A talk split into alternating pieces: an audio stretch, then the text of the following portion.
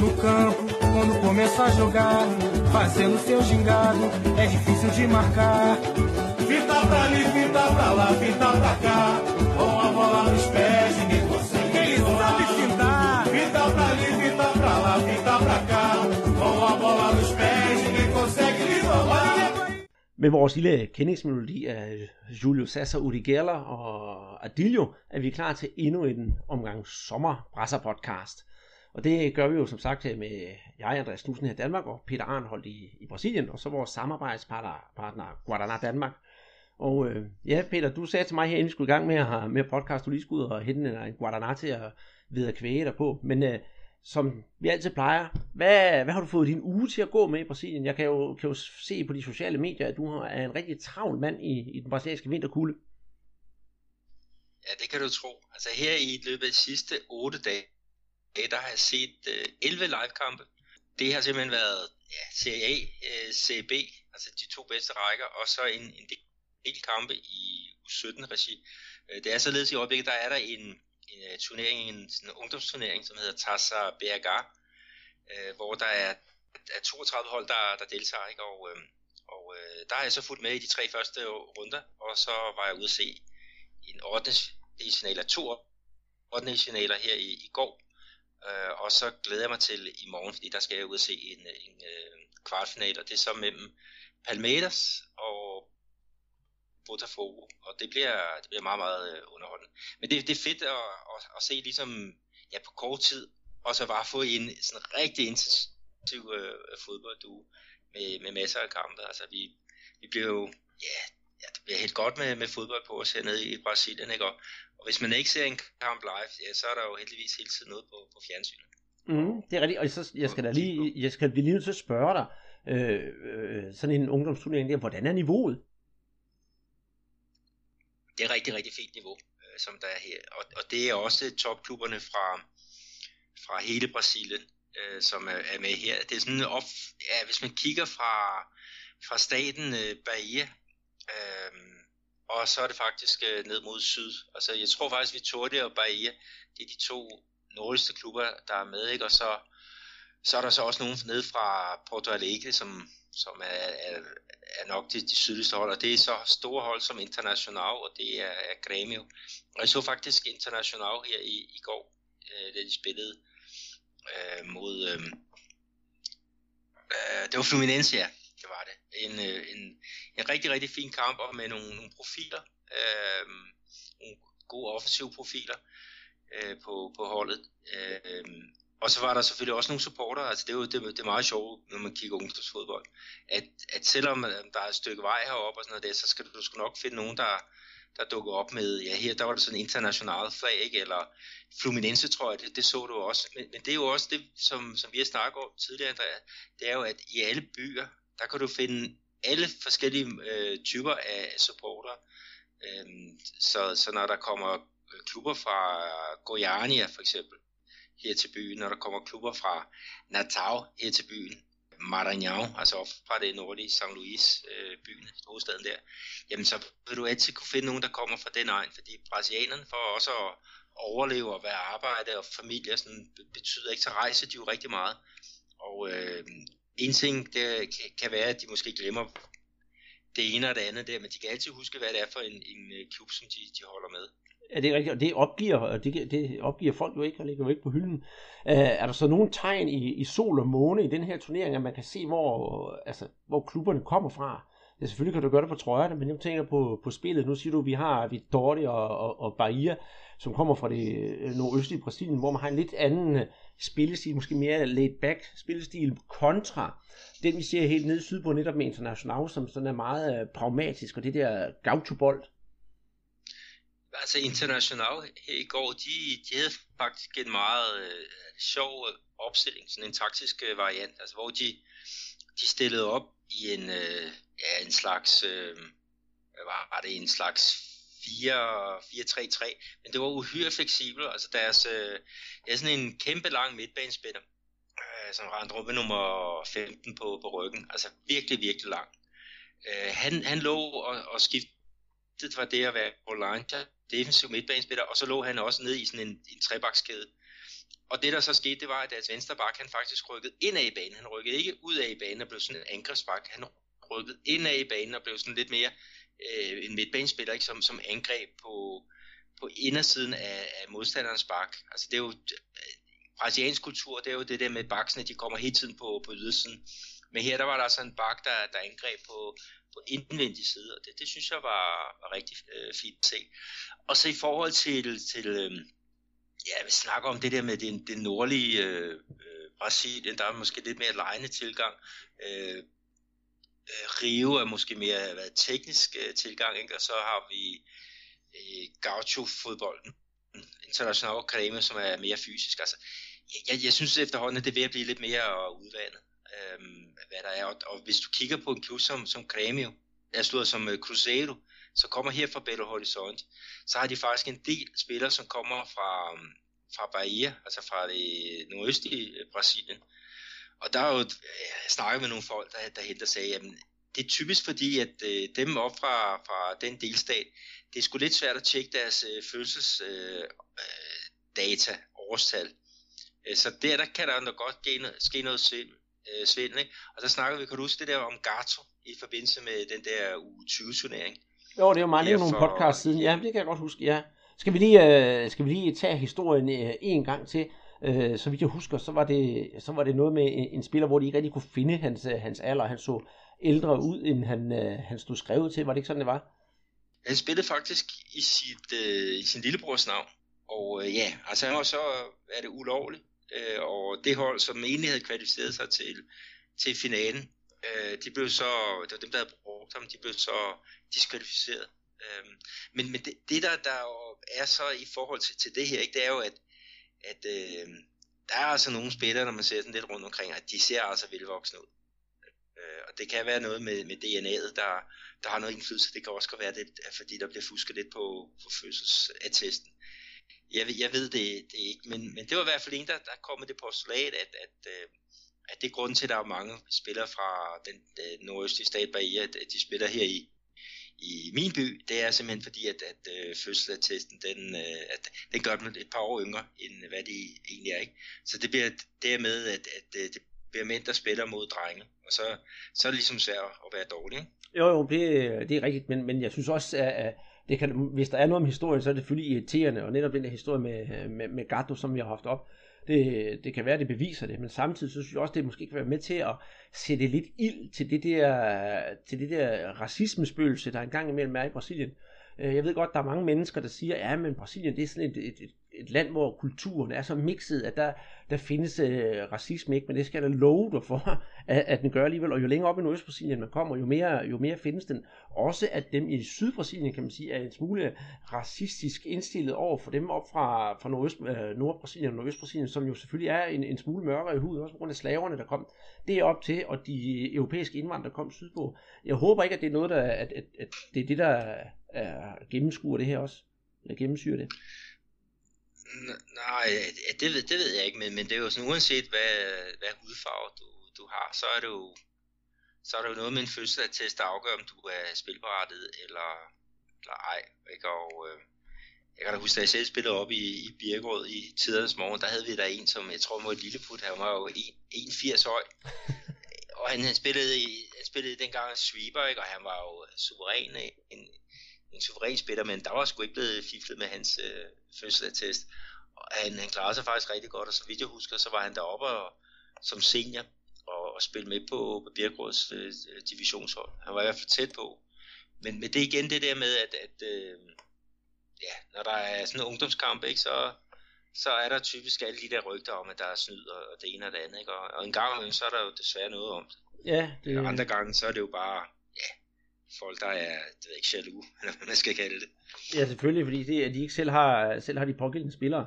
Men øhm, bortset fra den turnering, det, det, det kunne vi jo garanteret godt have fået en, sådan en times tid snak om, så, så, så er der jo noget helt andet, vi skal, vi skal have gang i. Det er jo netop øh, den brasilianske liga.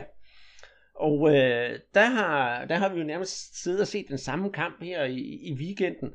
Og du sendte nogle billeder til mig live, og jeg måtte jo sende nogle til dig fra, fra tv. Og jeg kiggede efter dig inde på tv-skærmen, Peter, men jeg kunne altså ikke finde dig, da der var øh, Cruzeiro Flamingo. Øh, var det ikke en øh, festlig omgang fodbold, vi så der? Jeg synes ikke, vi skal gå i, i, i, i, i, i, hvad det, i gang med at snakke om selve kampen, men jeg tænker mere atmosfæren og stadion og alt det der, fordi kampen den kommer vi ind på senere. Oh, altså, øh, dit favorithold Flamengo, altså, de, de er jo kendt for, at de næsten aldrig spiller på udebane, fordi de har så mange fans over, over hele Brasilien. Og her til, til den her match, der var der altså også øh, rigtig godt besat i det der udebaneafsnit. Altså det var totalt udsolgt, og de havde sågar udvidet det, øh, således det ikke bare var, jeg skal kalde det, den øvre tribune, øh, den del deroppe, hvor de, de holdt til, men også nedenfor, så var der altså plads til de her rødhvide flamengister. Og de satte deres præg på det med, med flag og med sang, og altså jeg kan love for, at de, de kan brøle igennem. Øh, og så var der jo en, en masse øh, folk også fra, fra Cruzeiro, der var, der var mødt op. Ikke? Der var 40.000 i det hele, tror jeg, der var. Øh, så her blandt øh, vores gode kammerat Peter Halborg, han afslutter sådan et år i ophold hernede snart. Ikke? Men han er jo ligesom dig, flamingister.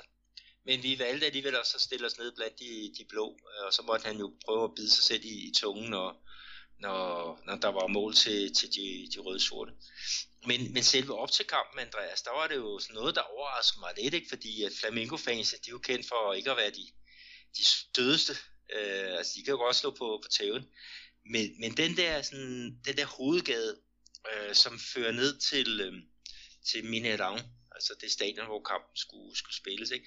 Øh, der var der jo spækket med, øh, ja, altid spækket med de der blå fans, der, der, der fortsat spyd med, med kød og, og nogle øl eller nogle, ja, nogle sodavand. Øh, og så lige pludselig kom der bare spanguleret sådan en koloni af de der rødsorte, jeg tænker, den der, den går altså bare galt.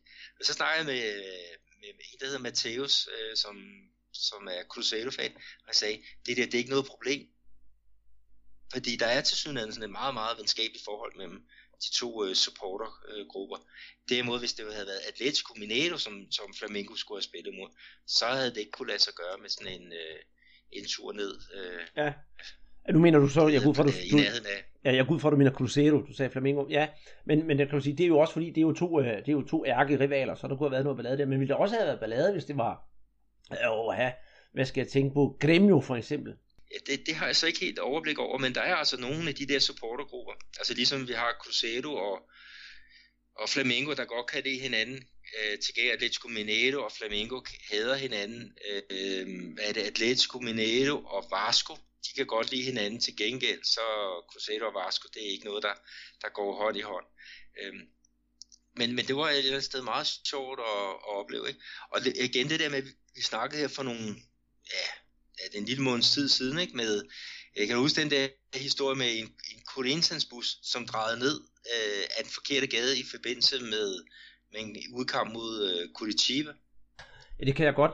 Øh, det var en bus øh, med, med, med Corinthians fans, der kørte, kørte ned, simpelthen ned ad den forkerte gade, som du siger, og det endte jo simpelthen i, i et slagsmål, og bussen blev stoppet, og alt blev hervet, og røg 7-8 mennesker på hospitalet øh, bare fordi en bus kommer til at dreje ned ad en forkert gade, det er jo frygteligt, øh, at vi næsten hver gang i vores podcast skal snakke om sådan nogle ting, der sker i Brasilien. Men altså, det skete dog heldigvis ikke denne her gang, og det er jo rart at høre, at øh, dig og din navnebror Peter, I begge to kunne gå ud og se en fodboldkamp og, og hygge jer, og at alle fans, eller begge fangrupperinger, de havde en, øh, en god kamp. Og så sådan ligesom kuriosum at ende på halen, eller øh, den her historie, skal vi jo sige, at der blev faktisk scoret i begge ender, men sådan helt hvad kampen endte med, det øh, kommer vi ind på senere. Øh, altså min fodbolduge, hvis vi skal så kigge lidt på den, den har måske været sådan lidt mere mager, fordi jeg har altså haft en masse tv-kampe, men dem har jeg så også haft en fem stykker af. Øh, så jeg har fulgt rimelig godt med i, øh, i ligaen, mens du har været ude og kigge på ungdomsfodbold. Det vi skal snakke om i dag, Peter, det er jo selvfølgelig ligaen. For der har ikke rigtig hverken været Copa Libertadores eller noget som helst. Og øh, når vi har sådan gennemgået de vigtigste kampe i ligaen, vi tager ikke alle holdene. Det bliver sådan nogle nedpluk på, hvad vi synes, der har været interessant i den her uge. Så kigger vi fremad, for der er altså fuld runde her i aften hjemme hos dig, Peter, og i nat her i Danmark, hvor der bliver spillet nogle rigtig, rigtig vigtige kampe. Det kigger vi på. Og så skal vi altså også kigge på noget øh, transfer, for der har vi jo altså nyheder, øh, både den ene og den anden slags. Og i den sammenhæng, så vil jeg også sige, ja, både Peter og jeg har set sladderhistorien om Neymar til Paris Saint-Germain, men Peter, skal vi ikke lade Twitter og Facebook og alle de der medier sådan gå i selvsving over det, og så koncentrerer vi os bare om, hvad der sker i Brasilien? Jo, det synes jeg, vi skal gøre. For ja, altså det kommer nok ud uanset hvad, og vi har vores mening til det, og det kan vi måske tage til den tid, når han, han måske har skiftet eller ikke har skiftet. Men øhm, hvis vi kigger lidt på ligaen, Peter, der har vi jo haft uh, duksene fra Corinthians, de har jo ligget lunt i svinget de sidste rigtig mange kampe og virkede til at være, ja hvad skal vi kalde det, øh, usårlige. Øh, men øh, lige pludselig her i weekenden, så skete der altså noget andet. På hjemmebane, der fik de altså kun, og det, det, det synes jeg egentlig godt, man kan sige, kun 2-2 mod øh, Atletico Paranaense, som, øh, som ligger på 15. pladsen. Øh, og jeg tænkte, at den der kamp, det overstod super, super godt, fordi nu ligger det jo så til resten af, af holdene i top 6, at de kan få lov til at hente lidt ind på netop øh, Corinthians. Corinthians har PET efter den her uafgjorte kamp 36 point, og øh, Botafogo på 6. pladsen har også efter ja, her 14. runde 22 point, så der er altså langt op. Så det var godt, at de, de tabte nogle point. Men øh, vi kan jo sige det som det er, at der var altså kun ét hold, der overhovedet formåede at hente point på, på, på Corinthians. Og øh, det er faktisk øh, ligaens nummer to, Gremio. Øh, efter en øh, serie på en tre kampe med nederlag, så tænkte jeg, og Peter også, så vi snakkede om det, Peter, på et tidspunkt, at ja, altså bliver det sådan lidt, øh, en, måske en jojo-sæson for Gremio. Men jeg skal da love for, at, at vi må tage vores ord i os igen. Efter sidste podcast, der lagde Gremio faktisk ud med at, vinde over Flamingo på et, øh, et ganske udmærket mål af, af Luan. En stor bil for Flamingo i sådan en 6 points kamp. Og, og det var et boost af, af moral og selvtillid til, til Gremio. Så deres øh, hjemmekamp mod Preta her i weekenden, den endte 3-1. Og vi kan roligt sige, at det var Gremio, der scorede alle målene, nu når Preta heller ikke kunne hjælpe til med noget. En, øh, en, jeg vil ikke sige, at de kørte på autopilot, det gjorde de bestemt ikke, men en stabil sejr over et hold, som ja, de øh, ja, rent faktisk også burde vinde over. Øh, Preta ligger PT på 16. pladsen. Hvad har du at sige til, til kampen, udover at øh, Gremio er ved at finde form igen?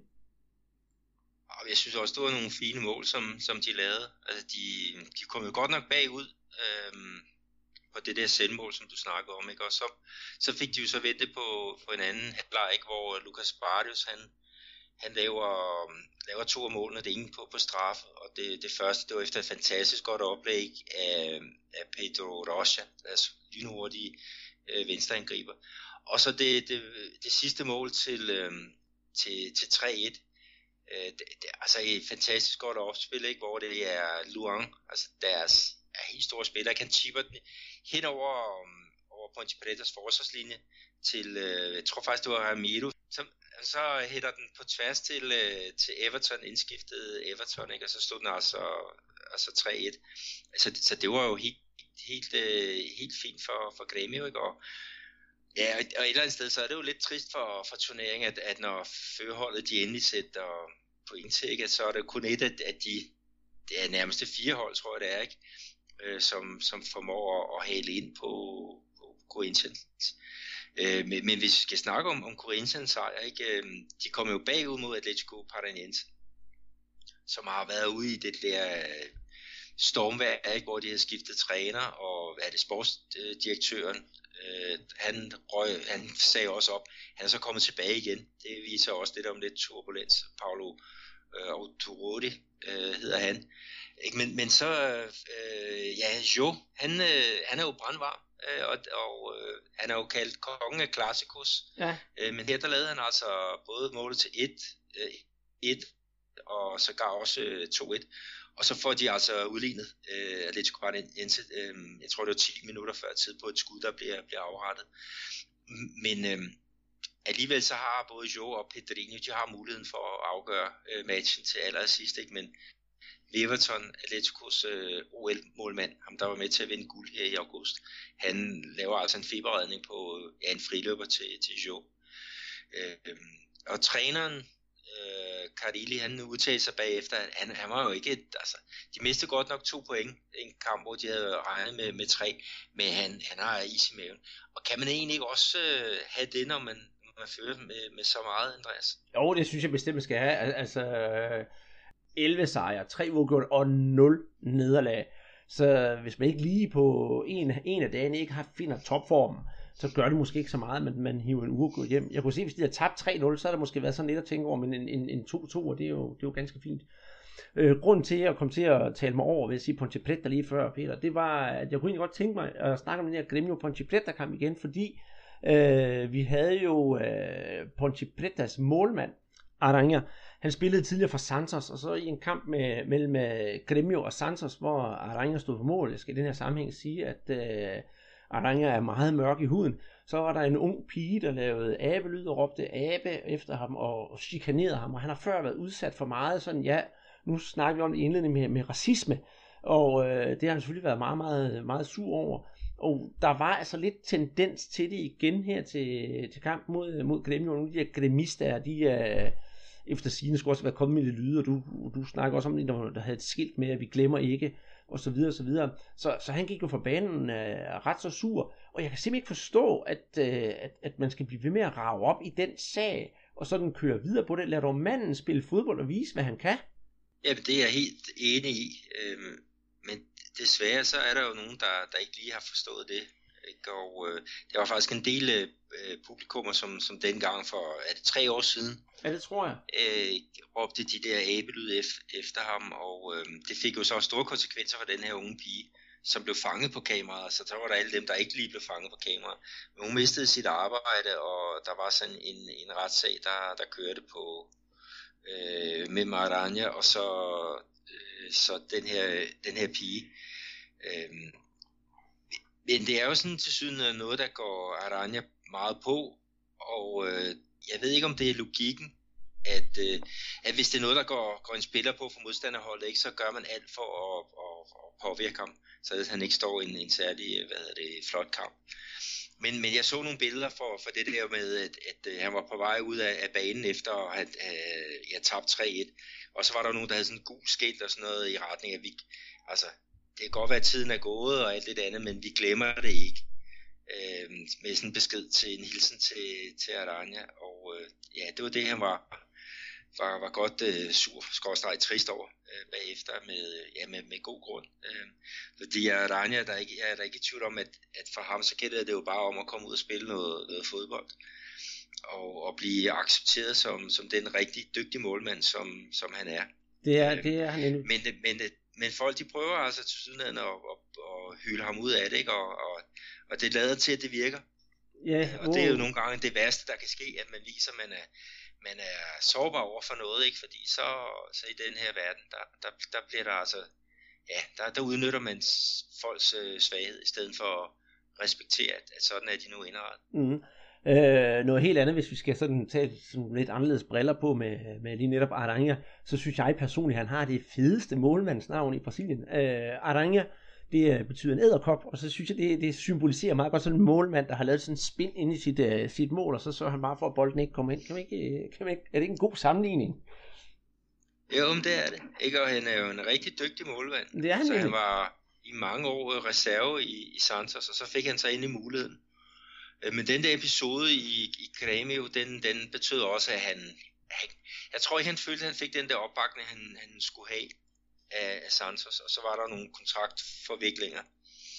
Og han kom så videre til, til Ponte Preta, og, og han var jo en af, af hovedårsagerne til, at de nåede helt til finalen i, i starten af året i det her Campeonato Paulista, øhm, og så tabte over to finalekampe til Corinthians om netop det her São Paulo-mesterskab. Øh, og han kom med på, på turneringshold også, øh, så han er jo en rigtig dygtig målmand.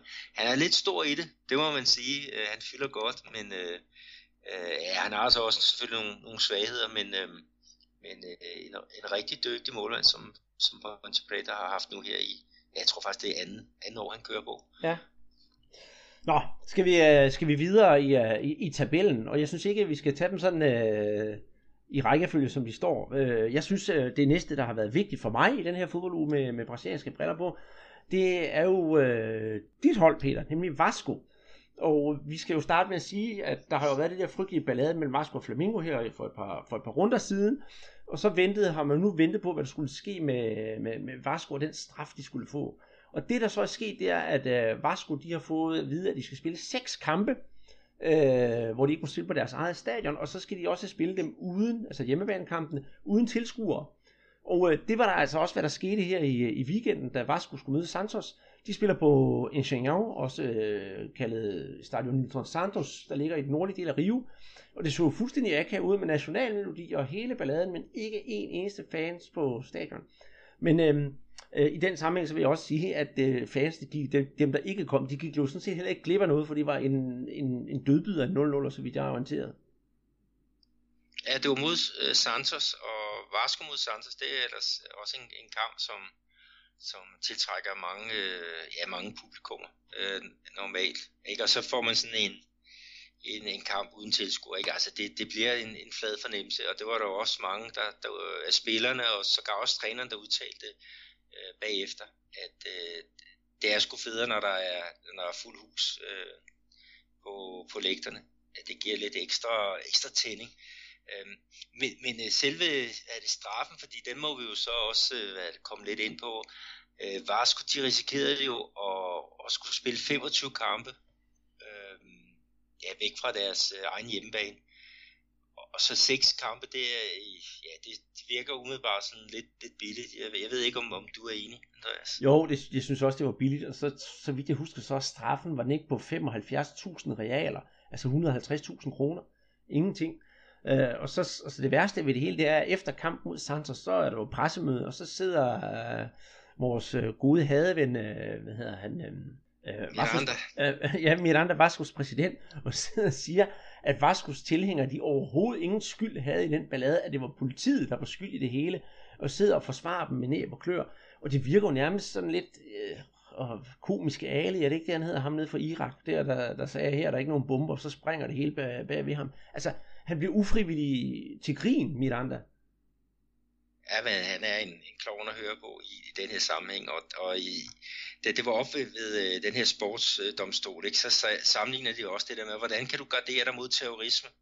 Fordi ifølge Miranda og nogle af de her øh, klubfolk, så var det jo folk, som, øh, ja, som, som havde øh, en, en terroraktion, ikke?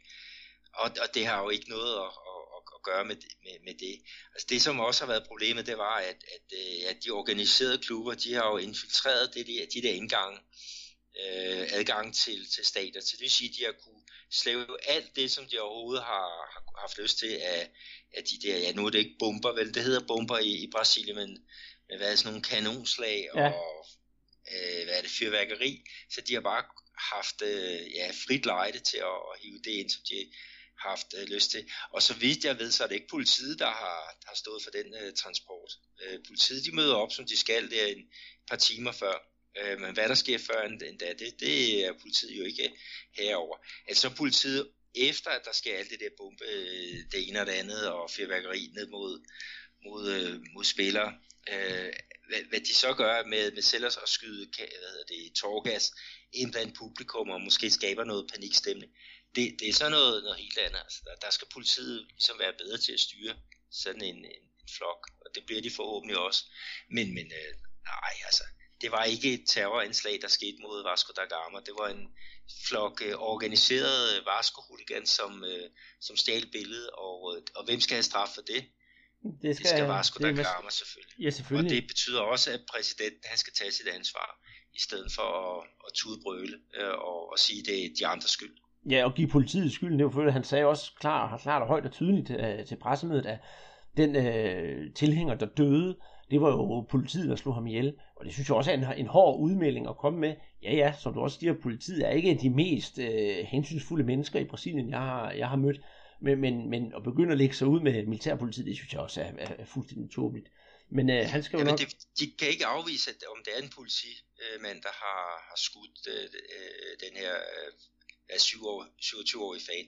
Det, og det kan godt ske. Altså, politiet i første melding, der var, at fortalte, at de havde ikke trukket øh, våben, men, men man har set nogle billeder ude fra området udenom stadion, ikke? og der bare vist, at, at politiet de havde altså øh, øh, revolverne fremme, eller pistolerne fremme, om, om det var med gummikugler, eller hvad der var i, det vil jeg ikke kunne ja, det kan jeg selvfølgelig ikke se. Nej, nej, selvfølgelig, men det, var, øh, det, det jeg mener med det, er det, er det, er det så ikke bare bedre at, at tige stille, og så sige, at man beklager det, det dødsfald, der skete øh, under mystiske omstændigheder, frem for at bare sige, at det er politiets skyld, og politiet siger jo så, det er Vaskos fans skyld, så de vil jo aldrig nogensinde blive enige eller komme til en fælles forståelse.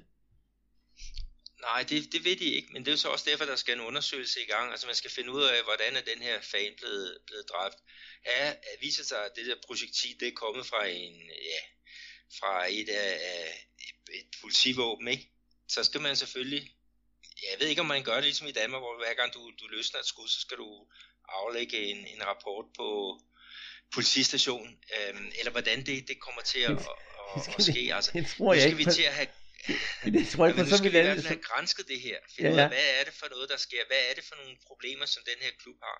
Selvfølgelig, det, Og hvordan får klubben så løst øh, det der? Og, og noget af det, som der i hvert fald øh, må være første element, det er, at de der organiserede øh, hooligans, hvoraf nogle af dem, de er, er, er øh, faktisk forvist for at, at kunne, kunne øh, dukke op på Sanchonati. Altså, hvordan kan de stå og holde vagt ude foran? Hvordan kan du se nogle af dem stå inde på, på stadion?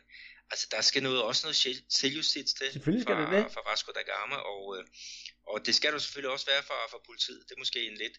Jeg ved ikke, hvorfor en proces, der egentlig er den sværeste af de to, men, øh, men, men forhåbentlig kommer der noget, noget konstruktivt øh, ud af det. Altså, Det- det håber jeg også nu. til at være optimist. Mm, og nu, nu træk jeg lidt på smilebånd, du sagde, om, om, om politiet i Brasilien skulle skrive, skrive en, en rapport, hver gang de havde, havde løsnet et skud, så var jeg ved at sige til dig, Peter, jamen øh, så skulle hele Brasiliens politi, øh, alle, alle politimænd i Brasilien, de skulle sidde på kontoret 24 timer i døgnet for at skrive rapporter. det er nok rigtigt nok. det er jo det. Nå, men øh, tilbage til, til fodbold. Skal vi lukke øh, Vasco ned for den her omgang? Og, og vi kommer selvfølgelig til at nævne dem igen, når vi skal snakke om, hvad, hvad der er spændende kampe i den her uge, for de, de går altså også en, en god kamp i møde her i, i, i aften. Øh, jeg synes, det næste, vi skal kigge på, det er øh, Flamingo på, på fjerdepladsen, og så Cruzeiro på, på syvende pladsen, med, med uh, Cruzeiro som, uh, som udgangspunktet, fordi jeg plejer jo altid at sige Flamingo, Flamingo, Flamingo, men nu synes jeg, vi skal sige Cruzeiro, Cruzeiro, Cruzeiro, for vi så uh, begge to uh, den kamp, jeg er på tv, og du så den live, uh, og jeg følte mig rigtig, rigtig godt underholdt, og så et uh, Cruzeiro-hold, der faktisk spillede en habil omgang underholdende og, og sådan fodbold med, med, med, med ikke tubangfodbold, med, med gå på og mod, og de havde, øh, jeg får at bruge godt udtryk, nosser og, og presset Flamingo ret godt øh, på banen, og så synes jeg det mål, der blev scoret, øh, nu har jeg lige, nu har jeg lige glemt, hvad målscoren han hedder. Øh, Sasa. Ja, Sasa.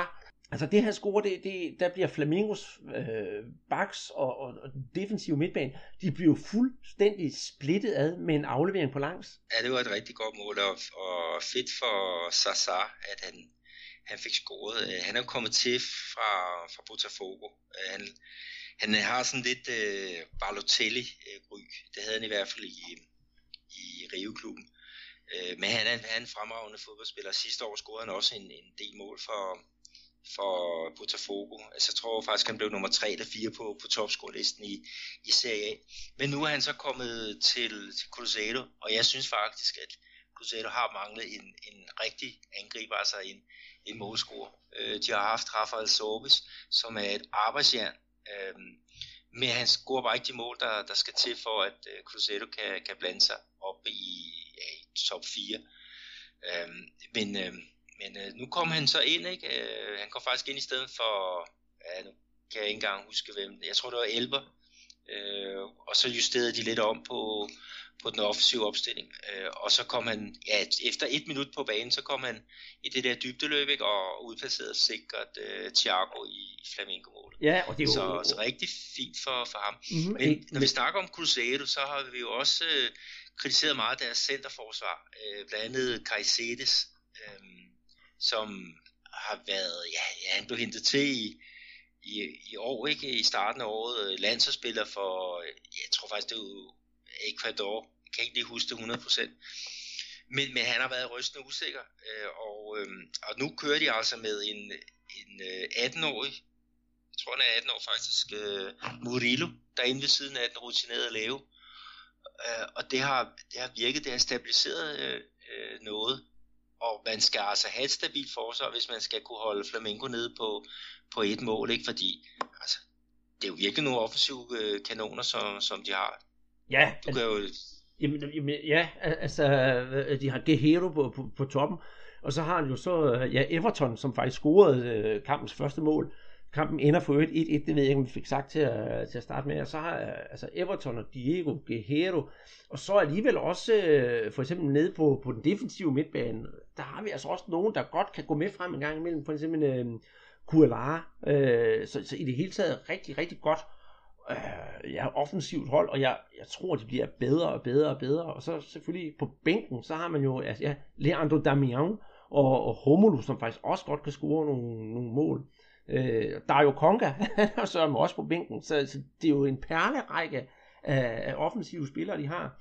Men 1-1, øh, det var jo faktisk et resultat, ingen af holdene sådan set rigtig kunne bruge til noget, hvis de skulle øh, holde trit med, med Corinthians. Flamengo er nu på, på 24 point, det samme som, øh, som Santos. Øh, og så har vi Cruzeiro, der lige er uden for top 6 på, på 7. pladsen med, med 21 point. Så ja, altså ingen af, Seki Sergio Ricardo i hvert fald for, for Flamingo, han, han sagde bagefter kampen, han var meget, meget tilfreds med resultatet, og holdet spillede rigtig godt, og det var en god kamp. Men øh, ja, derfra til at så kunne bruge et uafgjort til noget som helst, der, der er jo altså langt. Ja, det, det er der i hvert fald. Øh, men øh, det, altså, ja, altså Cruzeiro og, og, og Flamengo, det er så, så to gode hold, ikke? Så ja, jeg ved sgu ikke, om de skal være utilfredse Flamengo med det, et point på mm, nej, nej, nej, nej, et er, nej, det synes men, jeg nu ikke. Det er men de taber i hvert fald muligheden for at, at gå ind og, og hale ind på, på Corinthians. Et andet hold, som vi ikke har nævnt endnu, det er jo faktisk de øh, forsvarende mestre fra, fra Palmeiras med deres uh, træner Kuka og hans lille, uh, hans lille lykkebukser. Dem havde han også på her i weekenden. Det så jeg, da, da jeg så uh, kampen i fjernsynet af Palmeiras. De vandt 4-2 over, over Vitória. Øh, Roger Gales, han, han scorer øh, uh, Palmeiras første mål på, på straffespark, og så er det altså Dudu med to kasser og Mike med en. Øh, en fortjent, øh, fortjent sejr til, til, til Palmeiras. Og det ser ud til, at de er begyndt sådan lige at, at, at, at finde melodien igen. De startede jo altså dårligt under Kuka, men øh, ja, nu er det tilbage på banen. Ja, altså det var i hvert fald tiltrængt, fordi de, ja, de var jo, at de havde tre nederlag i, i streg inden den her kamp mod Victoria, det er godt, de kommer så, men der også bagud 1-0, inden at uh, Gates han får, får udlignet ført på et, et rigtigt uh, gusten straffespark, fordi at, uh, jeg, jeg tror kun det var dommeren, der, der, der kunne se, at, at der var noget i, i gære der. Øh, ja, altså, jeg ville ikke have dømt det. Nej, det, det, vil jeg, det vil jeg ikke, og der var jo kæmpe, kæmpe, kæmpe brok. Øh, hvad hedder den tidligere uh, Flamingo-forsvar, Stopper Wallace, han var jo ved at gå ud af sit gode skin øh, i, det, i den kamp, fordi han synes ikke, der var noget straffespark. Det synes jeg nu heller ikke, der var. Nej, det, det er jeg helt øh, enig med dig i. Øh, men i, i forhold til, øh, til Palmeiras, ikke, altså der, øhm, altså, de skulle jo også vinde den her øh, kamp, ikke? og det var foran øh, hvad er det, 37.000 øh, tilskuere. Altså, selvom om de, de er inde i en, en dårlig stime, ikke, så har de i hvert fald opbakning, og det var også det, Kuka han, han, han roser øh, publikum for, at øh, de støtter op om, om holdet. Øhm, træneren der, han har så også sagt, at øh, løbet om mesterskabet, det er godt nok kørt. Altså, nu gælder det om at, at nå en, en plads i top 6, og, øh, og øh, ja, altså de skal bare de skal finde formen. Altså, de har jo haft mange øh, nyindkøb her i, i løbet af, af sæsonen, ikke? Og, øh, og Kuka, han skal så finde de her brækker, han skal finde det, som, som fungerer øh, aller, allerbedst. Og øh, hvis de siger, at, at det er top 6, der er, er målet nu, ikke? Øhm, altså, så det skulle være en, en stor mulighed at, at, at klare det, ikke? Og så skal de også kunne give den fuld skrald i Copa Libertadores, ikke? Fordi det må jo være det, helt store mål for, for, mm. for året, ikke? For, for Palmeiras. Mm. Men, øh, men øh, vi kommer ind på det senere, når vi skal snakke øh, transfer. Så har Palmeiras faktisk et, øh, et lille problem, det der med at skulle give den fuld skrald resten af sæsonen. Men øh, det kommer vi til. Øh, jeg synes, vi skal til at, at, at kigge på, på to andre hold, netop, øh, hvad hedder det, øh, Chapecoense og øh, São Paulo, som mødte hinanden. Og det første, jeg vil sige, det er, at vi har jo danskerdom. Ja, det har vi i hvert fald, og det er Tulle de Melo, som, øh, som øh, scorede i øh, Chapecoenses øh, 2-0 sejr over, over São Paulo. Og øh, han er jo sådan en mand, der, der kommer ind fra, fra bænken, ikke? og det gjorde han da med, med succes i, i den her match. Ja, det gjorde han. Altså han blev skiftet ind efter 61 minutter, og efter 63 minutter, der, der, der sender han bolden i nettet. Øh, Chapecoense vinder altså 2-0. Netop øh, det første mål, det Tulle de Demelo efter 63 minutter, og så i overtiden, der sætter øh, Marquez den ind til, til 2-0 over et øh, for øvrigt faktisk rigtig godt spillende øh, São Paulo hold. Og det virker bare som om, at nu tager vi dem næsten op i hver eneste podcast, fordi der er så store problemer. San Paulo har ikke vundet ni kampe i træk, eller i det hele taget i 40 dage har de ikke vundet. Og det øh, er, er den, den magerste høst i, i klubbens historie, så vidt jeg, så vidt jeg husker. Øh, og selvom de spiller godt, øh, de havde det meste af spillet mod Chapecoense, så fik de jo bare ikke produceret nok målchancer, eller fik sat den ind i kassen. Mm, jeg tror du, vi skal begynde at afskrive São Paulo allerede nu, Peter? Mit svar det er altså nej, men øh, jeg vil godt høre din mening også. Jamen, jeg er meget enig. Altså, øh, men man ved jo aldrig, hvad der kan ske. Altså, nu øh, snakker vi om, at øh, ja, for ja, nogle podcast siden, også sidste år, ikke, at São Paulo, det er jo en af de hold, som aldrig nogensinde er rykket ud af, af Serie A, ikke? og øh, der snakker man også om, at øh, kan det måske ske, at de rykker ud, ikke? Altså nu international øh, sidste år, de var aldrig nogensinde rykket ud af Serie A, ikke? Og hvad skete der? De rykkede jo ud med et brag. Det gjorde de nemlig, ikke? og de fyrede en, en masse øh, trænere undervejs. Øh, men nu har, har øh, São Paulo de har ansat øh, Dorival Junior, øh, som, som jeg har i hvert fald en rigtig stor øh, fidus til. Og øh, de har også været ude på, på transfermarkedet nu, og, og hentet i hvert fald en spiller. Det kommer vi ind på, på senere. Men øh, altså, de har spillet, som du siger, ikke? og så sker der det, at Chapecoense de får et frispark øh, et par minutter efter, efter Tulli, han er kommet på banen, og så kommer den højt ind i feltet, ikke? Og, og vimpander den så ind. Ikke? Så er det ligesom også øh, op ad bakke, øh, når man ikke har øh, rigtig meget selvtillid, og det kan man umuligt have efter, ja, når man nu når, når op på ni kampe øh, uden, øh, uden sejr i, i rap. Øh, så der står et, et kæmpe, kæmpe arbejde for Dolival Junior. Ikke? Og han debuterede jo i en kamp, hvor man sagde, der ligger altså tre point og, og venter. De er runden før, der spillede de hjemme mod øh, Atletico Goianiense. Og øh, den bliver så hvad det 2-2, ikke? og jo. det er det absolute bundhold. Ja, det... Så en, en kamp, som skulle have givet selvtid, den gav måske det stik modsatte. Og det så, er ikke godt. Og så, men også øh, her i kampen mod øh, Chapecoense, taber det hele på gulvet. Det, det, åh, ja, de, de mangler sgu noget, noget medvind i den. Og det værste er, eller ikke det værste, men altså deres næste modstander, det er jo altså, det er faktisk ingen ringer end Vasco, de skal have på hjemmebane på Modumbi. Så det bliver jo en enorm svær opgave, vi står for. Men øh, det kan jo være, at øh, der med ja, den nyerkommende spiller, som vi kommer ind under i transfer, øh, skal til at blæse nye vinde hos, øh, hos São Paulo. Hvad siger du til, vi øh, runder ligaen af med at tage stilling øh, topscore, hvad vi ser frem til i den kommende runde? Jo, ja, jo. Altså, jeg vil egentlig gerne have et par kampe med, bare hurtigt, Andreas. Fordi Curitiba hjemme, de tager 2-1 til Fluminense, og det er faktisk Curitiba, som lå oppe i toppen. De er gået helt i stå, især på, på hjemmebane. Altså, det er den femte hjemmekamp i træk uden, øh, uden sejr. Og øh, de brænder sågar øh, straffespark. Øh, ja, så det, det, var, det var ikke så, så godt for, for dem. Og så skal vi jo så også have med, at øh, øh din øh, trænerfavorit, øh, Luxemburgo, han var jo kommet til øh, Botafogos øh, hjemmebane med øh, sit Sport Recife, og de havde jo spillet suverænt. Jeg tror, de havde tre sejre i træk noget i den dur, ikke? Og på det første angreb, der, der scorer Botafogo til, til 1-0 øhm, ved Lindoso.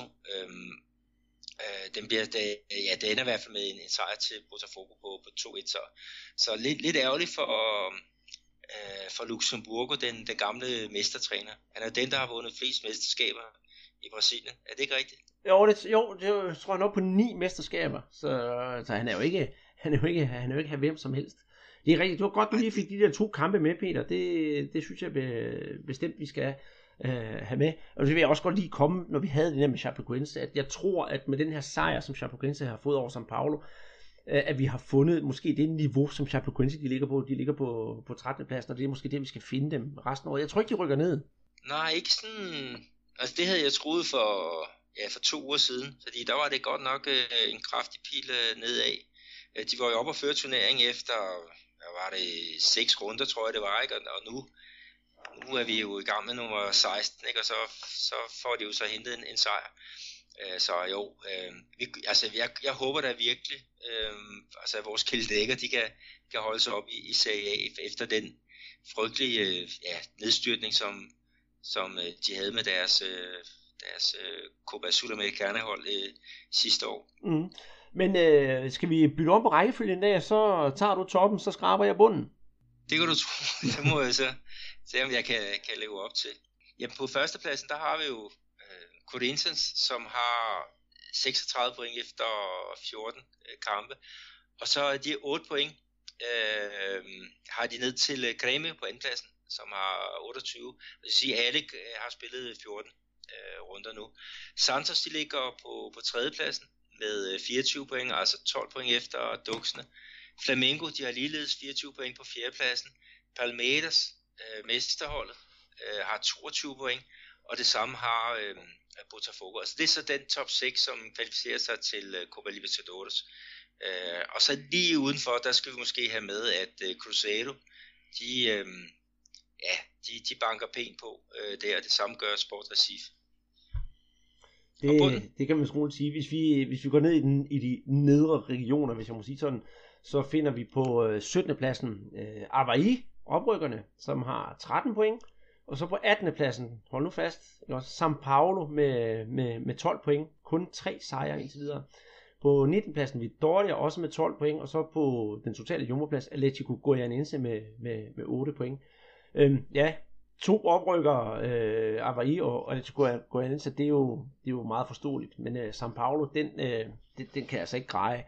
Hvis vi så skal kigge på topscorelisten, har vi jo simpelthen øh, Enrique Dorado fra Fluminense med 9 mål på førstepladsen, sammen med Jo fra Corinthians også med 9 mål. Tredjepladsen har vi Luca fra Ponte Preta med 7 mål. Øh, André med, fra Sport Recife med 6 mål. Roger fra Botafogo også med 6 mål. Og så, ja, på en, en fælles sjæleplads med en masse andre, der har vi så Copetti fra Santos med, med, med 5 mål nogle af dem, der har været oppe og, og, og, og hvad snakker måske skulle være topscorer, det er måske for eksempel en som uh, Luis Fabiano fra Vasco. Han har også scoret fem mål, men nu får vi se, om uh, han får lidt mere krudt i stålerne fremover.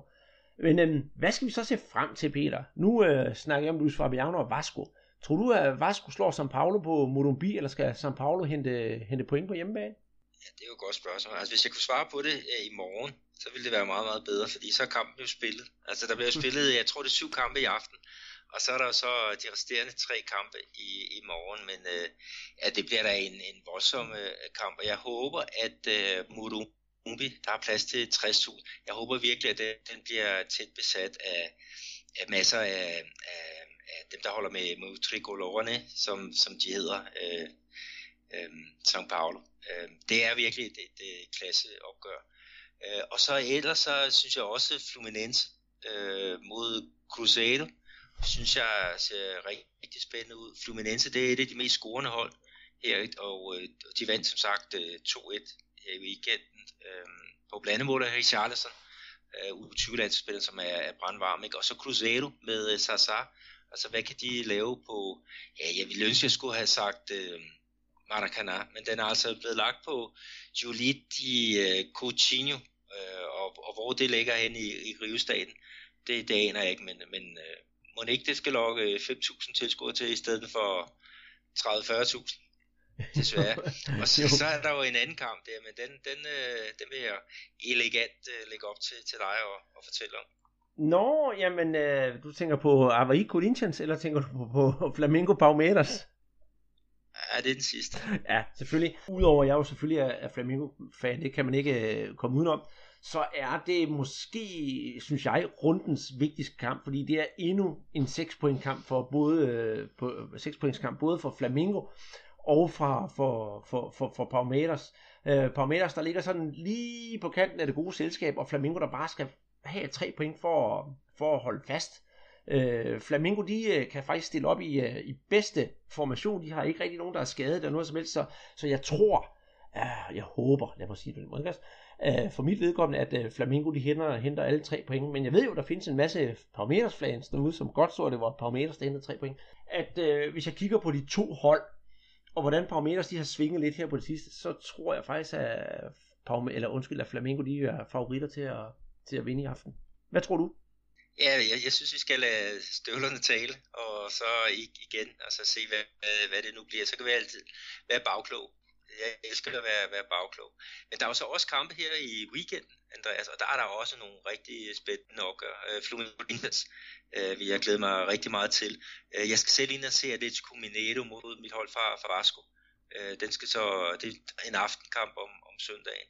Og så er der så også øh, São Paulo, ikke, som for anden øh, kamp i træk skal tage imod store hold, og det er så Kremio, der, der kommer forbi. Ikke? Altså, så det er virkelig to, øh, ja, en, to gange styrkeprøve for, for, for Dodeval Junior og hans, øh, ja, hans hold, der skal, skal prøve at finde fodfæste i Serie igen. Og vi skal jo huske på, at nogle af kampene, de bliver altså vist på, på danske tv-kanaler. Jeg kan aldrig huske, hvad det er for en af de der øh, Viasat-kanaler, tror jeg nok. Øh, jeg vil anbefale folk øh, at gå ind, gå ind på sofabold.dk, enten på appen, som faktisk er rigtig god, eller inde på nettet, og så kan man se, hvem det er, der, der sender kampene. Og nogle gange, når Peter og jeg har haft tid til det, så er det altså os, der skriver oplæggene til kampene derinde. Vi når ikke dem alle sammen, og nogle gange kommer vi også til at springe over, fordi ja, vores podcast, den tager jo sin tid, og vi skal jo også se alle de her fodboldkampe, så er det måske ikke lige det, at man får tid til at skrive et øh, optag til kampen. Altså jeg er faktisk inde på Sofabolds øh, hjemmeside, altså sofabold.dk, og der kan jeg se, det er via, via Play, som uh, viser ja, den, uh, den kamp, som du snakker om her med, med Flamengo og, og Palmeiras, den bliver så vist her i, i nat. Øh, ja, vores podcast kommer ud i, i morgen, så der skal man altså kigge med tilbagevirkende kraft.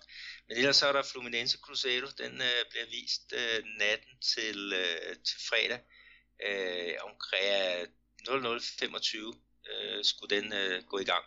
Ja, så, så gå, gå ind der og, øh, og, og, og kig, og øh, I må også meget gerne gå ind og, og rose Jakob øh, Termansen. Ja, fordi jeg synes... Det, det, hedder. Jo, det er det, og det er et stort stykke, stykke arbejde, Jakob han laver, og hans, hans teams, øh, og jeg har brugt, jeg har, jeg har brugt sofabold i et par år nu, og jeg har været svært tilfreds med den. Øh, inden vi går videre til, øh, til, til transfersnakken, Peter, Altså ikke vi er her, vi skal have vores øh, vanlige skiller, og jeg skal have mit toiletbesøg og hente en øh, iskold guaraná til at læske halsen med. Det er, det er tid til, til en lille pause. det er bare i orden. Vi ses på den anden side af skilleren. Så har jeg fået ordnet alt, hvad jeg skulle, Peter, og jeg har, du, vi sidder på Skype, så du kan godt se, hvad jeg laver nu. Jeg har en uh, iskold Archica foran mig her, uh, og den vil jeg så åbne nu, så vi kan få beviset på, er det en, uh, ja. Og så skål derude. Ja, skål. Og hvad er det, vi skal jo også uh, fortælle om vores uh, konkurrence. Ja, det har vi. Uh, Guadalajara som jo er vores samarbejdspartner her, de har uh, foræret os uh, 10 rammer Guadalajara. Altså, jeg kan ikke huske, hvor mange der er i ramme i Danmark, om det er 24 eller 30. Hvis nu forestiller dig 24, så er det 240 guaraná, man kan få tilsendt, undskyld. Uh, og det man skal gøre, det er at gå ind på vores øh, Facebook-side. Selvfølgelig må man gerne lige øh, like vores Facebook-side, det, eller følge vores Facebook-side, det vil vi jo rigtig gerne have. Og så er der et opslag derinde, hvor jeg har taget en øh, brasiliansk fodboldtrøje på, og lad mig sige det med det samme. Øh, jeg vil godt give det hen og sige, at det er ikke en flamingo-trøje, jeg har på. Og så skal man skrive, dele opslaget, og så skrive, hvilken trøje det er, jeg har iført mig, og øh, hvad det er, vi drikker her på, øh, på, på Brasserporten. Når man så har øh, skrevet de to øh, ord, hvilken klub det er, og ja, hvad vi drikker, og har delt opslaget, så er man altså med i den her konkurrence om de her 10 rammer, rammer Guadana. Øh, konkurrencen, den, er, den har kørt i en uges tid nu, og den fortsætter ind øh, hele næste uge igen. Det er først om, om, om 14 dage, vi trækker lod om, øh, hvem der har vundet de 10 rammer. Det er ikke sådan der, Peter? Er det uge 31, er det ikke det, den hedder? Jo, det er lige præcis. Så det er bare at gå ind og, og, og og give den gas derinde, og husk at sige til jeres venner og, og bekendte, at de skal gå ind og, og være med i lodtrækningen om de der 10 rammer, fordi det, det synes jeg bestemt er en rigtig god gave. Ja, det er det også. Nå, men skal vi til at snakke om, om noget transfer, fordi der er jo altså kommet nogle spillere til, til de brasilianske klubber, og der er måske nogen, der er på vej væk. Og øh, hvis vi skal tage øh, hovedhistorien, så er det jo, at der er kommet forstærkninger hos São Paulo. Ja, det er det. Det er den øh, hjemvendte søn der, der kommer tilbage efter at have været syv år på, på farten i Europa i så store klubber som øh, Lazio, øh, Inter og, og Juventus. Øh, så er nu endt i kinesisk fodbold, og det er Hernanes, som, som også har spillet en del øh, kampe på det, det brasilianske landshold. Øh, han er så signet, og øh, det har vagt jo kæmpe glæde i, i São Paulo, som, som ligger jo med en vis øh, lemestil i, i vandskorben lige i øjeblikket i, i Serie Ja, og, og, og, og så vil jeg så spørge dig, øh, svaret det ligger jo nærmest i luften af sig selv, at det, at det er en god ting eller en skidt ting, han er kommet til klubben. Ja, selvfølgelig er det jo en, en god ting. Men hvad tror du, han kan tilføre et uh, São Paulo-hold, der på, ja, som du selv siger, ligger med røven i vandskorben lige nu, ud over øh, at være en kvalitets øh, midtbanespiller?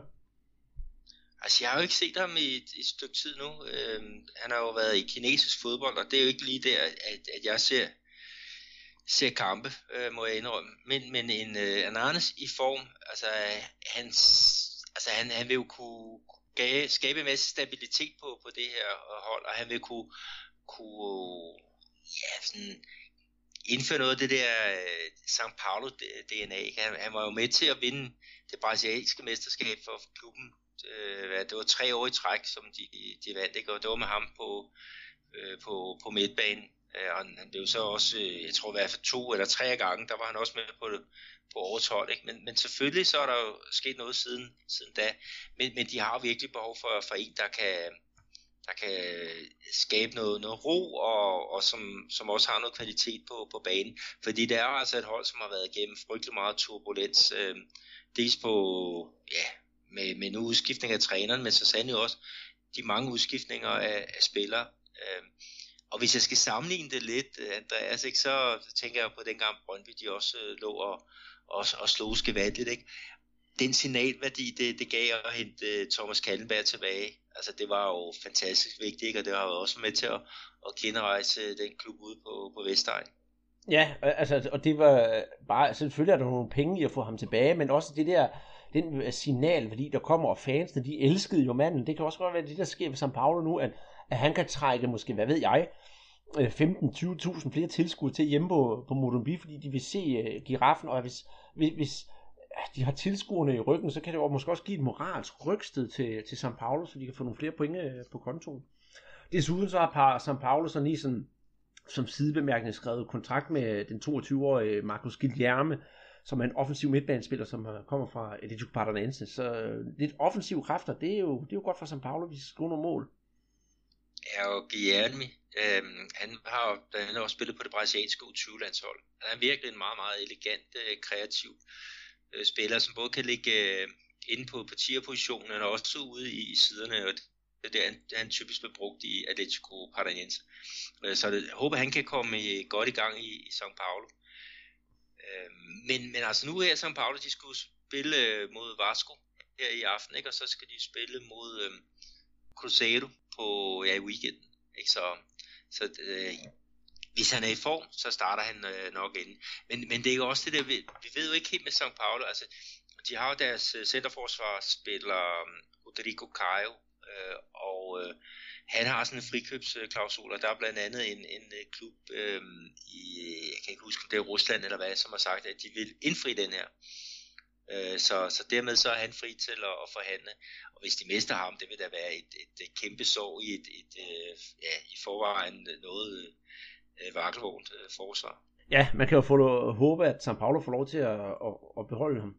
Øh, en anden spiller, som vi, altså, som vi ikke kan undgå at snakke om, det er jo, øh, det kan vi også godt sige, det er jo, det er jo lidt en, en super signing. Det er jo Flamingo, der har fået øh, Diego Alves tilbage, målmanden. Eller ikke tilbage, for han har ikke været der før. Men, øh, men, men, men jeg, jeg tænkte bare, da jeg læste det her, hold da op en signing. Det er, det er sgu noget om kapacitet at få, få, få i nettet. Ja, det, det er virkelig godt, ikke? Og øh, Flamengo, de har øh, i startet året med øh, Alex Moralja øh, på, på kassen, og han var, var rigtig, rigtig øh, dygtig. Øh, det var han også sidste år, da han spillede for Figueirense. Øhm, men men øh, der er bare lige det, at, at her der får de altså en klasse øh, målmand. Øh, Uralia, han har haft nogle, nogle problemer, han har lavet nogle frygtelige drops, og, og, og dermed så, så mist, mistede øh, publikum simpelthen tilliden til ham, og det gjorde de så også fra, fra ledelsens øh, side. Så, så rigtig, rigtig fint. Men, men i forhold til, til målmandsposten, Andreas, ikke, der er der så mange, der siger, at det havde været bedre for Flamengo at have købt nogle, nogle centerforsvarsspillere. Øh, jeg ved ikke, hvad, hvad siger du til det? Altså, jeg følger gerne trop i det kor, men, øh, men, men nogle gange så ser man jo også, hvad en målmand kan gøre for, for centerforsvaret eller for, for, øh, for forsvaret. Altså, hvis vi tager de oplagte eksempler, så den ene det er jo Oliver Kahn, og den anden det er jo, det er jo Peter Schmeichel. Hvis de kan styre, hvis målmanden kan, kan, kan styre sit forsvar, så kan du også få dem til at bruge lidt. Og det er jo ikke fordi, at selvom Hevea for eksempel i, i, i forsvaret, han har altså sejlet lidt en gang imellem, og det er jo ikke fordi, han er nogen dårlig forsvarsspiller, nogen dårlig stopper, men, men, men, men det er ligesom om, han mangler en, der kan, der kan holde ham lidt i kort snor. Lidt ligesom, øh, hvad hedder han, øh, Thiago Silva kan holde styr på David Luiz. Ja, det, det kan være rigtigt. Altså, de andre to, øh, i hvert fald, mm, så jeg tænker på, der er centerforsvarsspiller, ikke? det er jo, øh, hvad hedder du snakker om Haver, og så er der jo Vars, øh, som de hentede i, i Vasco da Gama faktisk for, for et par år siden. Og han er jo en rigtig god øh, fodboldspiller, god til at føre bolden op med sit venstre ben. Øh, men igen, altså det, det har jo kikset lidt øh, dernede bagved, ikke? Så, så det har ikke set spe, øh, specielt øh, stabilt øh, ud ved det, og så også med Muraya, der, der var noget fluefangeragtigt i, i nogle øh, tilfælde. Men de har jo så også hentet Rodolfo, øh, som blandt andet spillet i, i São Paulo og flere andre store klubber. Øh, ham hentede så fra tyrkisk fodbold, men han er jo så bare blevet skadet her i en, en måneds tid. Øh, så, så lige i øjeblikket så hedder centerforsvaret Reva og, øh, og Vars, og det var også de to, der, der spillede øh, mod Cruzeiro øh, her i, ja, i, i søndags, ikke? og der holdt de jo Cruzeiro nede på, på et mål, øh, så, så måske, øh, sker der jo ja, noget, noget godt på, på vej der. Øh, ja, altså, jeg synes, det er en rigtig god signing, Diego Alves. Ja, altså, jeg glæder, jeg glæder mig virkelig til at, til, til at se ham. Og, så, og det er jo måske også en del det. Nu har de fået en målmand ind, og du snakker netop Alex Moralja, men, men uh, Flamingo selv har skibet deres uh, ganske, ganske udmærkede målmand, Paulo Victor, afsted til, uh, til Gremio, så de jo også sige, måtte sige far, farvel til målmand. Uh, en anden signing, jeg har tænkt over, eller noget, der måske er på vej, uh, det er jo Botafogos uh, Camilo med en stor mikrofonhår, han er tæt på at tage en tur til International, og det er jo egentlig skidt for Botafogo, fordi han har været en, en, en, en god mand at have på, på holdet, men til gengæld så er det jo en rigtig god signing for International, som ja, skal gøre alt for at komme tilbage i, i den bedste række. Ja, men øh, det, øh, det er du ret i. Det er så en øh, byttehandel, der, der er på vej. Brenner, som øh, er en rigtig fin målscorer for International. Han er kommet sådan lidt i overskud i, i Gaucho-klubben. Øh, William Potker, som jo scorede masse mål for, for Ponte Preta. Han er ligesom kommet i, i overskud øh, deroppe nu. Øh, så International, de har problemer faktisk med at kreere chancer, øh, men, men har en, en del målscorer. Så fint at få Camilo derop til at, at skabe den der næstsidste aflevering. Og øh, så Brenner, han vil være øh, guld værd for, for Botafogo, som, som har en god angriber i, i Russia. Øh, som er, med på topscore-listen. Men de spiller jo også med i Copa Libertadores, og, og der vil øh, Brenner, han vil jo være en, en fantastisk øh, spiller at, at få ind der. Uh, så jo, ja, det, det, altså jeg synes, det ligner en god øh, byttehandel, ikke? Og, og Camilo, i januar, der var han jo udtaget til det brasilianske uge, ja, det hedder det ligaanhold i den der velgørenhedskamp øh, mod Colombia til fordel for offrene for, for Chapecoense-tragedien. Så det, det er virkelig en kvalitetsspiller, mm. de, de får ind der. Men, men nu, når vi, nu når vi snakker om uh, International Peter, så går der jo faktisk også et rygte om, at uh, Ricardo Oliveira, angriberen fra Santos, han også skulle være uh, på vej til. Uh, tror du, den har noget på sig? Efter sigende, så skulle det være noget med en byttehandel med Eduardo Sasha, eller hvordan det foregår. Uh, hvad siger du til den? Jo, det kunne godt være, være muligt. Øh, Ricardo Oliveira, han har ikke haft noget godt øh, uh, 2017, og uh, han har været skadet. Uh, han er så med i truppen her uh, i, i aften eller i, i morgen. Men uh, det, han, har jo en, ja, han er jo oppe i årene, har gjort det sindssygt godt for, for Santos. Uh, men uh, måske lidt uh, er en lidt dalende stjerne, ikke? og det har blandt andet, altså hans krise, hans skade har jo betydet, at at den tidligere OB Kajke, han lige i øjeblikket er, er, er første øh, angriber i, øh, i Santos. Mm. Og det har han jo gjort fint, øh, Kajke, ikke med øh, ja, ni mål i, er det ja, 26-27 kampe, han vel op på, ikke? Han brændte straffe her, da, da jeg så ham mod Atletico Mineiro, ikke? så han kunne godt have, have scoret nogle flere. Men øh, altså jo, det, det, det kunne måske godt være. Altså, jeg vil tvivle lidt på det. Men, men øh, der er jo en anden en, som er, er rygtet øh, til, til Inter. Og det er jo så Leandro Damian, som måske kunne gøre comeback øh, for de, de røde i, i Porto Alegre. Ja, og så, så dit spørgsmål til mig, det vil garanteret være, hvad jeg synes om det, at Leandro Damião, han skal øh, forlade øh, Flamingo. Øh, og der vil jeg være ærlig og sige, Peter, at jeg synes ikke, selvfølgelig at Leandro Damian har, har scoret et par mål, men, men jeg synes, han bliver ved med at være det der evighedstalent, som aldrig slår helt igennem. Lad mig sige det på den måde. Så er det sagt pænt. Han har et, et, et godt papir, han er talentfuld og det hele, men, men har aldrig rigtig sådan for alvor slået til. øh, tilbage i øh, OL i London i 2010, der sagde man, gud, han er jo det nye og det store navn. Og jeg ved, jeg ikke er den eneste, der, der har den holdning. Øh, den, der egentlig gjorde mig rigtig sådan opmærksom på det, at når han er det der evighedstalent, det er jo ingen ringer end BBC's øh, reporter Tim Vickery, som, som også sagde, at han har jo aldrig rigtig fået slået igennem. Nej, det er rigtigt. Altså, han har jo haft succes i international, og det var også derfra, at han kom med til, til OL. Ikke? Så, så måske er det meget godt, at de kommer tilbage til, øh, til en klub, han kender godt. Og øh, ja, international, altså de skal jo virkelig bruge noget, noget power op, øh, op foran, ikke? og øh, ja, forhåbentlig kan han da sætte lidt, lidt ild til, til klubben mm. deroppe. Altså, ja, og han er for... på den måde, de, de, de ryger op af, ikke? i stedet for at han brænder hele skidtet ned. Mm-hmm. Ja, for International, de spiller jo i næstbedste række og ligger PT på, på femtepladsen. Det vil altså sige, at de har altså underpræsteret lidt. Øh, der går også hæftige rygter om, at uh, Graffiti fra Atletico Paranense, som er lige blevet klubløs, han uh, skulle være på vej til Inter. Så hvis alle de her rygter de passer, så må man da sige, at uh, International de rasler virkelig med sablen. De kommer til at stille op med 11 angriber til sidst. Det ved jeg nu ikke, om det er en, en god idé. Men der, det viser i hvert fald, at klubben har problemer øh, i forhold til det, og, og ja, de har spillet en masse kampe uafgjort, ikke? og, og øh, hvis du skal rykke op, så skal du have tre point på, på konto. Nu lykkedes det her i går med en, ja, en 1-0, hvor, øh, hvor jeg tror, det var Luverdense på et meget, meget, meget bak. Så øh, de skal bruge noget, noget ammunition, men det skal være noget, noget tørt krudt, og de skal ikke bruge øh, 11 af den. Ej, det, det skal de ikke. Har du flere interessante transfernyheder, eller skal vi lukke det ned her? Jamen, øh, i forhold til øh, Vasco da Gama, øh, der er Nene, han er jo så øh, på rygtebase, så er han på, på vej væk. Øh, de spiller hver i aften mod São Paulo, og han, øh, han øh, bad faktisk om ikke at komme med på, på den tur, øh, fordi han, han venter, venter øh, på, at der kommer nogle, nogle tilbud. Han overvejer nogle, nogle tilbud. Nene væk, øh, altså i, i år, der har han ikke været specielt, øh, specielt skrab. Altså han har lavet par vigtige mål, det har han da helt sikkert. Han har ikke været, hvad skal vi kalde det, øh, i startopstilling så frygtelig mange gange. Altså de lavede ud med at tabe 4-0 i den første runde til øh, Palmeiras, og så har han ellers bare startet på, på bænken indtil for, for tre eller fire kampe siden.